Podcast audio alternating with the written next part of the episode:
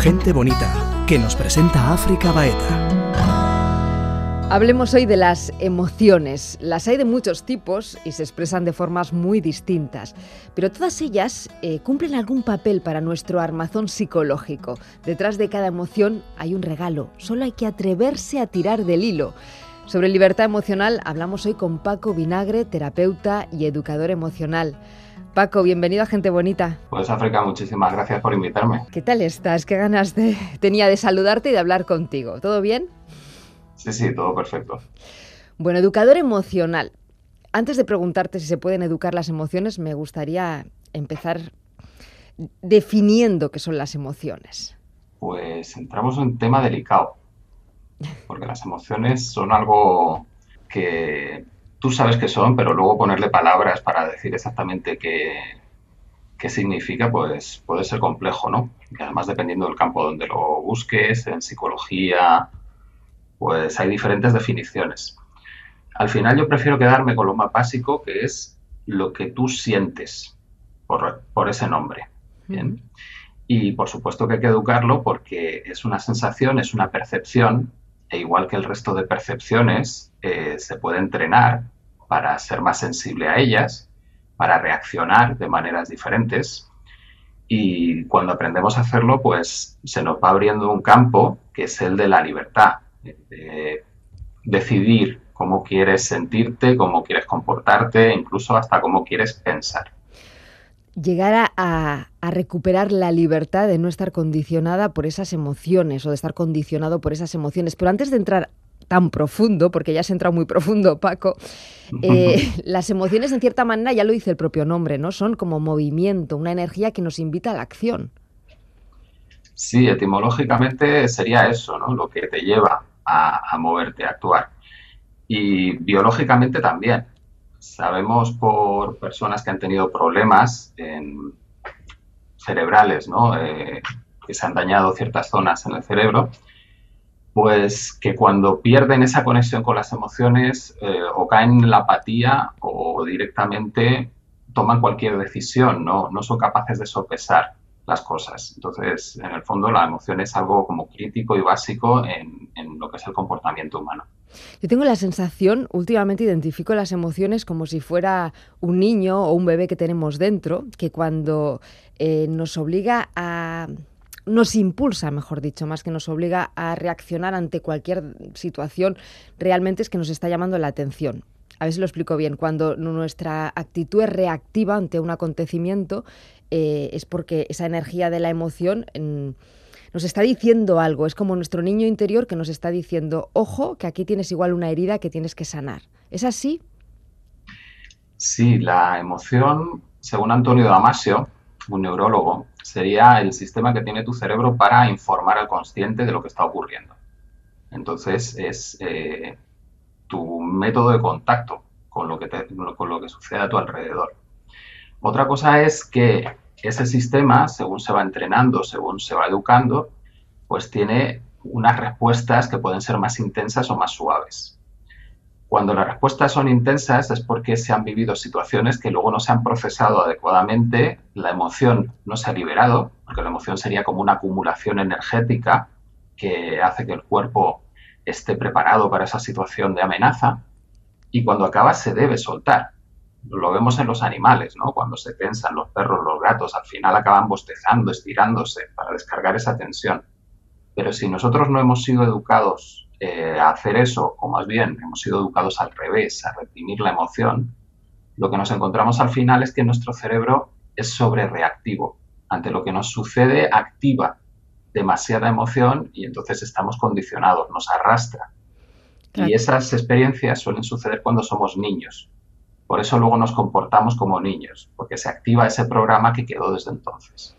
Claro, aquí hablas de, educando y en cierta manera hay como una falta de educación emocional. O sea, desde chiquitines, como acabas de decir, nos enseñan a reprimir en vez de a escuchar a nuestras emociones. Exacto. Nuestra educación es eh, racional. Pero es curioso porque nosotros eh, podemos decir que tenemos el cerebro dividido en dos. Tenemos una parte especializada en la razón, que sería el hemisferio izquierdo, y una parte especializada en la emoción, que también curiosamente está relacionada con la percepción de la unidad, del todo, de lo que es similar. A nosotros nos educan o nos entrenan a utilizar sobre todo ese hemisferio izquierdo, que es el hemisferio que es capaz de hacer una cadena de razonamientos, de encontrar una cadena de causas-consecuencias, pero individuales. Se pierde cuando empezamos a hablar de lo colectivo o de lo complejo. Entonces, en el fondo nos están educando a ver una, una vida simplificada. No vemos todas las relaciones que existen entre las cosas y de ahí luego sacamos conclusiones y construimos nuestra visión del mundo. Lo que nos lleva pues a tener luego problemillas, ¿no? Sí, bueno, luego entramos en, todo ese mundo de, de la mente creando mundos y proyecciones, pero antes, ¿cómo aprender a escuchar las emociones? Porque es cierto que en esta ignorancia emocional en la que vivimos, yo creo que gran parte de nuestro tiempo, hasta que un día despertamos y empezamos a decir, ostras, igual hay que, hay que tirar del hilo de la emoción para saber qué hay en el sótano. ¿Cómo aprender a escucharlas? Bueno, yo creo que el primer paso sería eh, practicar con técnicas de relajación, es decir, conectarte a ellas pero con confianza, con la confianza de eh, haber experimentado que cualquier emoción, si aplicas técnicas de relajación, puedes hacer que llegue a un nivel muy bajo o desaparezca del todo. Bien. Una vez tienes esa confianza, ya puedes empezar a entrenar de nuevo tu percepción emocional. Igual que se entrena el oído cuando estudias música, pues también puedes entrenar tu propia percepción, la percepción de tu cuerpo. Y para eso están las meditaciones. Las meditaciones guiadas que te llevan a prestar atención a cada una de las partes de tu cuerpo, a notar cómo están los músculos, cómo están los órganos internos. Eso no es más que un entrenamiento de ese, podríamos decir, como eh, método de percepción olvidado, más que cinco deberíamos tener seis, esa percepción interna. Y una vez empezamos a entrenar y sabemos que esas sensaciones podemos relajarlas, lo que nos lleva a un bienestar, pues entonces tenemos la base para empezar a entrar con confianza en ese mundo de las emociones. ¿Y qué pasa cuando entras en ese mundo de las emociones? Pues que empiezas a descubrir cosas muy curiosas, como que, por ejemplo, cuando estás en un estado emocional, tu mente, tu cuerpo te arrastra hacia un comportamiento que si luego aplicas unas técnicas de relajación rápidas y en dos minutos has cambiado tu estado emocional, ya no coincide lo que piensas con los pensamientos que te llegaban antes. Y cuando eso lo haces con un poco de profundidad, empieza a ser sorprendente que en dos respiraciones profundas que te ayudan a relajarte, de repente estabas en conflicto con una persona y a los cinco minutos estás entendiendo a esa persona. Lo que te lleva a cambios muy profundos, ¿no? Me venía la imagen de, el lago, ¿no? Cuando el agua está cristalina y, cuando mueves con un palo el fondo y, y se enturbia por el, por el, por el barro ¿no? que hay instalado en el fondo de, ese lago. En cierta manera ocurre con lo, mismo con las emociones, ¿no? no nos dejan ver el bosque porque estamos nublados absolutamente por, por, ese fango, no, no nos deja ver el agua cristalina. Por eso es muy, muy difícil tomar decisiones desde, desde esa visión borrosa. Sí, mira, además el símil que has puesto a mí me lleva un poco más allá. Es, tú puedes tener ese lago aparentemente calmado por encima, y puedes tener un montón de corrientes por debajo. ¿Y quién no tiene las corrientes, eh, Paco? Exacto. Entonces, también otro problema está en que podemos aprender a manejar muy bien esas técnicas de relajación y quedarnos simplemente con ellas, no profundizar más en, en la capacidad que tienen de generar cambios profundos en ti. Entonces, hay personas por ejemplo, cuando entrenas mucho la meditación, llegas a ese estado en el que el lago está calmado por encima. Pero luego el fondo está muchos metros por debajo. Y si te metes en el lago, lo mismo hay corrientes que te llevan hacia un lado, hacia otro, y también se puede agitar en determinados momentos. Entonces, parecería que si domino esas herramientas de, relajación, pues ya está todo solucionado, pero en realidad hay que hacer un trabajo en profundidad para encontrar el origen de esos comportamientos que se te pueden activar en cualquier momento cuando sucede algo similar a lo que viviste. Claro, porque antes decía que eh, hay que ser un poco valiente para mirar a la emoción, sentirla plenamente, porque nuestro cuerpo siempre está en la defensiva y cuando ah, igual aparece una emoción, lo que hacemos inconscientemente es huir de ella. Pero si nos paramos eh, frente a la emoción, la sentimos plenamente y empezamos a tirar del hilo, detrás de esa emoción decía antes que, hay un regalo, porque realmente nos está mostrando un patrón conductual inconsciente que es el que nos dirige en la sombra. Sí, sí, sí. Y ahí tocas dos puntos importantes. El primero es que eh, la educación emocional que recibimos, que no es tal, nos lleva a desconfiar totalmente de nuestro cuerpo, de nuestras sensaciones. Entonces, en cuanto aparece algo que no es lo común, nos asustamos y ya vamos a urgencias. Hmm. Bien. Parece un poco extremo, pero no lo es tanto.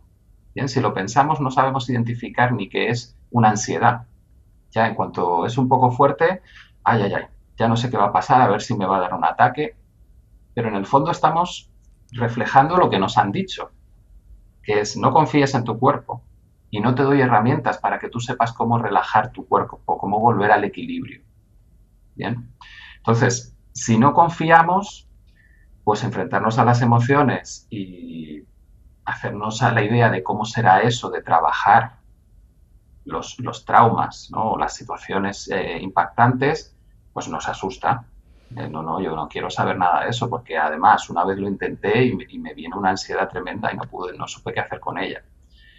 Y claro, si no tenemos un sistema para acceder a todo eso suavemente, ir poco a poco poniéndonos en contacto, confiando con el cuerpo, dándonos cuenta de que nosotros tenemos las herramientas para resolver todo eso, pues nos dificulta mucho hacer el trabajo en profundidad y lograr esos cambios importantes, ¿no? Volviendo al símil, al del, del, bebé, ¿no? Si el bebé está reclamando que le cojan en brazos, la emoción como el bebé, ¿no? Eh, lo que hacemos es decir, no, no, no, calla, calla, calla y quédate ahí en la habitación o en la cuna llorando.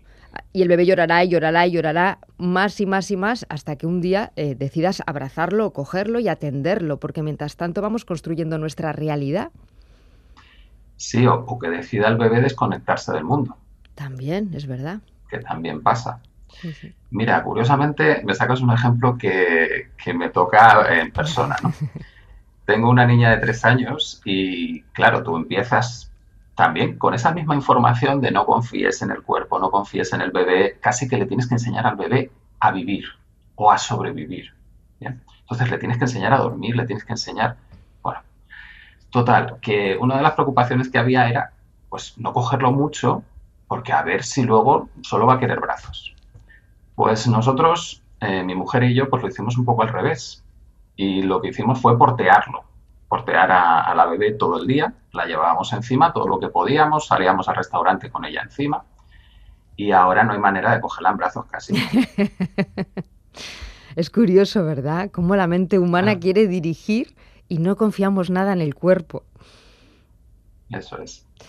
Y pues cuando dejas que el cuerpo se desarrolle, cuando dejas que las emociones empiezan a desarrollarse en armonía, y una de las peores cosas que se puede hacer con un bebé es separarlo de ti o no atenderlo cuando lo necesita, porque eso luego va generando patrones de expectativas.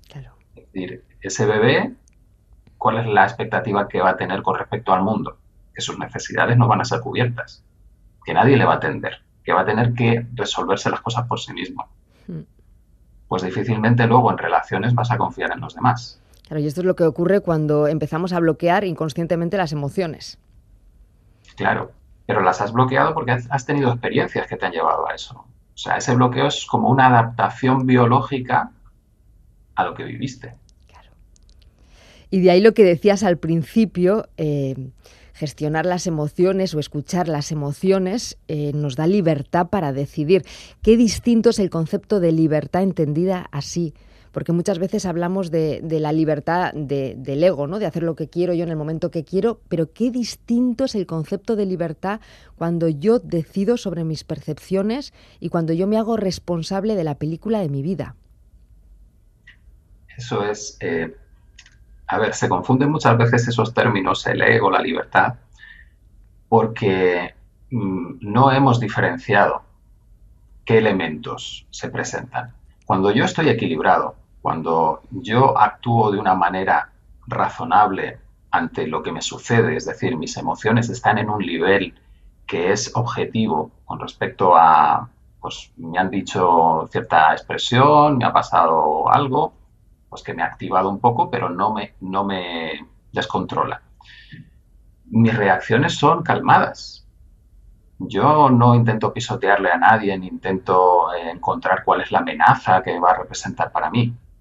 Bien, entonces, el ego es como la representación de ese equilibrio interno. Si yo no tengo equilibrio, pues mi ego tenderá a unos comportamientos adaptados a situaciones muy estresantes. Pero si yo estoy en equilibrio, mi ego lo que tiende es a la interacción y la armonía con los demás. Y eso es lo que me da libertad. Totalmente. Porque si yo tengo emociones fuertes, voy a reaccionar con patrones que se crearon cuando yo era pequeño. Y eso no es adaptativo a lo que yo vivo cuando soy adulto. Si yo atiendo mis emociones, dejaré de vivir eh, cegado en cierta manera, no dejando que solamente sea el subconsciente el que maneje mi realidad. Exacto. En el fondo es la pregunta, ¿cómo cambiaría tu vida si desapareciese el miedo? Si cualquier reto que te plantees no activase un miedo interno, ¿cómo cambiaría? Sí, es verdad. Y tú sueles decir que me gusta mucho ese símil porque creo que es muy, muy clarificador, ¿no? nuestra mente es la que dirige la película y en este juego mm, como directores de cine eh, vamos buscando en nuestro día a día pues, los actores para generar las escenas que nos permitan liberar esas partes que están en nuestro subconsciente. Sí, ahí ya se está, estás entrando en un tema que puede ser incluso un poco delicado, ¿no? Pero, pero está muy unido a la libertad, ¿eh? de lo que estábamos hablando. O sea, es como de repente te, pones, o sea, las gafas y no, no, si soy yo el director. Yo soy el que genero todo tipo de proyecciones, todo tipo de, mm. escenarios inconscientemente. Sí, y esta parte se enlaza con aquello que os contaba de el hemisferio izquierdo, el hemisferio derecho, que lo teníamos abandonado el derecho, que era el que generaba esa visión unificada del mundo. En realidad nosotros eh, somos seres sociales, pero nuestra interacción con los demás va más allá de lo que nosotros creemos, de esas palabras que le decimos al otro porque hemos pensado que le vamos a decir. Nosotros tenemos un lenguaje eh, inconsciente que casi es el que transmite la mayor parte de la información emocional. Luego, cuando nosotros andamos por la calle, estamos percibiendo un montón de estímulos, sobre todo emocionales, de todas esas personas que nos rodean. Y cuando nosotros tenemos un patrón, un conflicto, rápidamente nuestro subconsciente encuentra a la pieza que le falta para que el patrón se cierre y se active. Entonces, es decir, hay personas que atraen a su vida determinado tipo de sucesos y hay otras personas que no los atraen. Es decir, el subconsciente se centra en unos estímulos o se centra en otros. Y eso hace que acaben apareciendo esas eh, escenas dentro de tu vida. O sea, nosotros atraemos del exterior eh, dependiendo de cómo está nuestro interior. Vamos creando constantemente la realidad, ¿no? Quizá eh, el dicho, no sé si lo estoy relacionando, pero el creer es crear, ¿no? O sea, hay una parte de información o patrones muy profundos dentro de nosotros que van generando nuestra nuestra realidad y atrayendo a nuestra vida las personas que necesitamos para liberar esa parte que está inconsciente. ¿Es así? Sí, mira, te pongo un ejemplo biológico. Eh, los animales eh, que cazan otros animales no buscan a las presas más fuertes, porque esas presas son las que van a oponer más resistencia y ellos van a gastar más energía. Buscan a las débiles. ¿Cómo buscan a las débiles? Pues inconscientemente el animal sabe reconocer determinados patrones. Y eso le lleva a cazar a esa. En nuestra sociedad humana pasa igual. Por ejemplo, en el tema del bullying ocurre una escena similar. Tú tienes una presa y tienes un predador. ¿El predador hacia quién va? Hacia el más débil. Y eso se identifica. Es como que inconscientemente sabes quién es si esa persona que se siente débil empieza a transformar ese estado emocional, no tiene por qué ir al gimnasio, simplemente es dejar de sentirse débil. Y en el fondo eso está asociado pues a vivencias que tú hayas tenido, con miedos, con impotencia, con frustración. Una vez cambia tu estado emocional, lo que transmites al resto del mundo ya no es igual. Luego la presa, o la presa que eres tú, eh, cambia y el predador ya no se va a fijar en ti, porque tú has salido de ese estado débil. Qué buen ejemplo, sí. ¿Y cómo, Entonces, sí, perdona, fíjate en cómo, cambiaría el sistema de tratamiento del bullying cuando lo ves de esta manera. Hmm. Tú ya no buscas eh, identificar a quién va a atacar para bloquearle, sino que tú buscas sacar a la gente que se siente débil de ese estado. Le das la, la libertad, ¿no? la posibilidad de controlar su vida a la presa. Y, quien nos esté escuchando y se encuentre en esta situación o en situaciones similares, que al fin y al cabo somos todos, porque las emociones son las que nos guían, eh, ¿qué consejo le darías? ¿no? ¿Por dónde empezar? Porque es muy fácil, ¿no? Hablar así desde el punto de vista teórico, que es lo que nos dice todo el mundo. Dices, sí, sí, sí, sí, eso es la teoría. Pero luego en la práctica, ¿cómo yo reconozco mis miedos y los libero?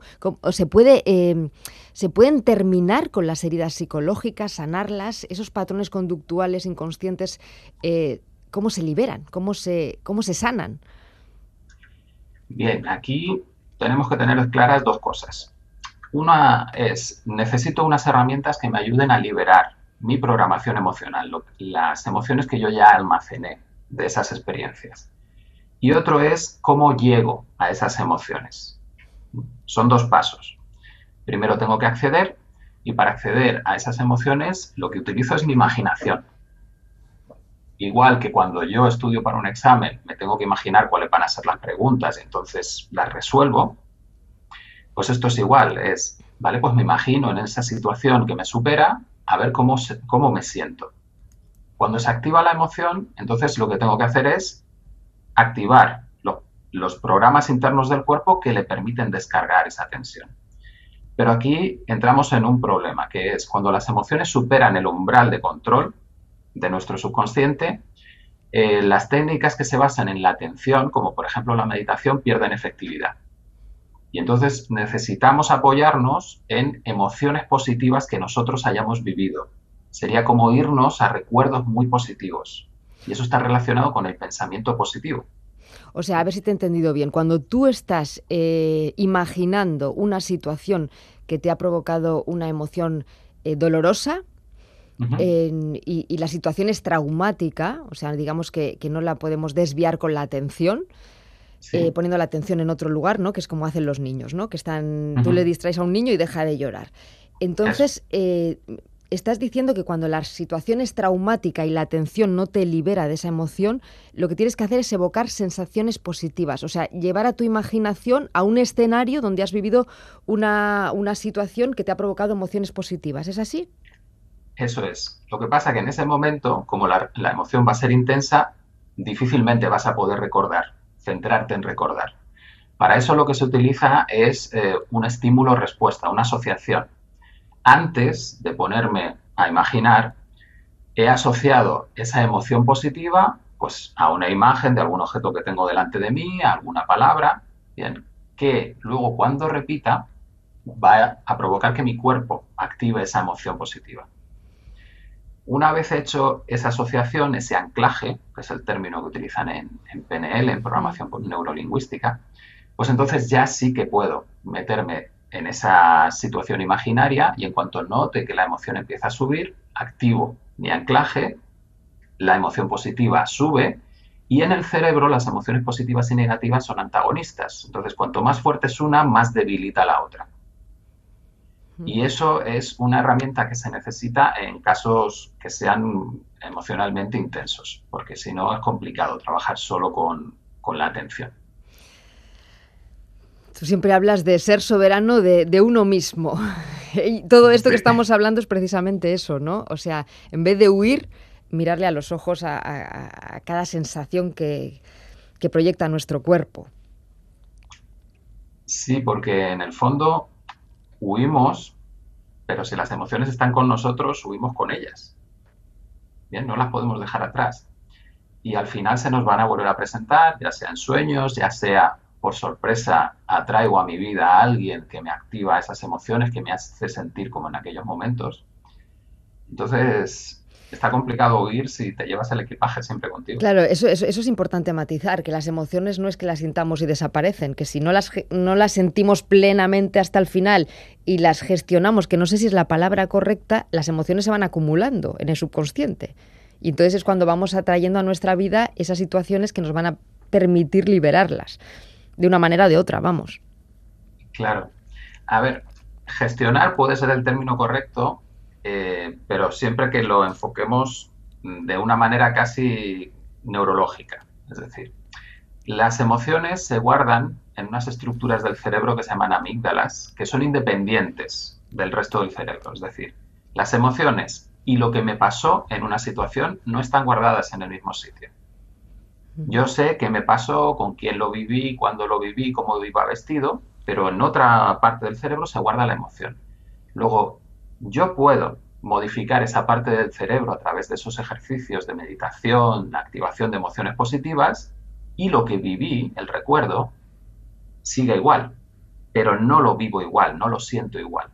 ¿Bien? Porque esa es la parte que yo puedo modificar. Entonces, si gestión significa modificar las amígdalas, liberar esas estructuras neuronales que contienen la emoción, correcto. Si gestionar es, como decías antes, atender a otra cosa, bien, como distraíamos al niño, las estructuras emocionales quedan igual y la siguiente vivencia se montará encima de esa, con lo que estaremos incrementando la intensidad emocional de la respuesta. ¿Cuánto sufrimiento nos evitaríamos si aprendiéramos todas estas técnicas y todas estas herramientas? Que, por cierto, eh, Paco, para las personas que nos estén escuchando, eh, les tenemos que decir que en, la página web que habéis creado en Libertad Emocional aparecen detalladas todas estas herramientas y cómo utilizarlas. ¿Nos recuerdas la página web cuál es? Sí, tenemos una página web que es libertademocional.es, es la página de la asociación, y en ella pues tenéis información, yo creo que de sobra para tiraros unos cuantos meses ahí. Trabajándose uno mismo. sí, y, tenemos, pues, eh, por ejemplo, tenemos un seminario que son 20 horas en que explicamos el funcionamiento del cerebro, las, las relaciones, cómo conseguir tus objetivos y las herramientas emocionales para hacer ese trabajo. Y luego tenemos páginas específicas explicando las técnicas eh, de relajación, eh, cómo hacer los anclajes, cuál es el procedimiento completo para trabajar recuerdos, para resolver conflictos con personas. Y todo eso está apoyado con el canal de YouTube y el Facebook, en donde vamos publicando también los vídeos eh, más explicativos ¿no? o que profundizamos más las cosas. La verdad es que es, es una puerta hacia la libertad que decíamos antes. Yo que he tenido la suerte de ser alumna tuya, eh, realmente es muy transformador todo lo que, lo que enseñáis. Paco, ¿cómo terminamos? Una frase para, terminar. Uy, pues me pillas un poco aquí. lo primero que te surja, no lo pienses desde tu subconsciente. Pues que realmente tenemos la posibilidad de transformar nuestras vidas, de, hacer aquello que, que disfrutamos haciendo sin miedo y que eso al final nos abre puertas para que encontremos con que queremos disfrutar. Sí, quizá también tenemos que aprender a ver al miedo como un aliado, ¿no? A veces no...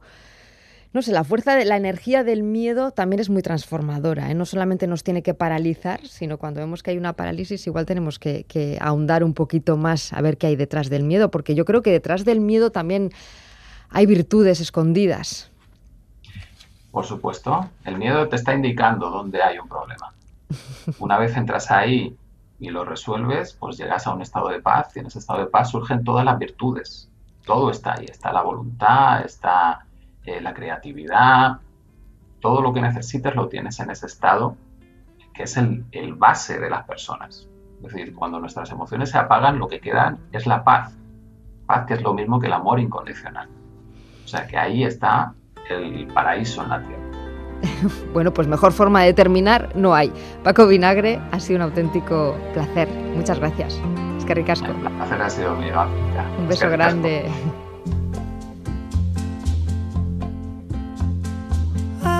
Parece que yo debo mirar hacia el mar,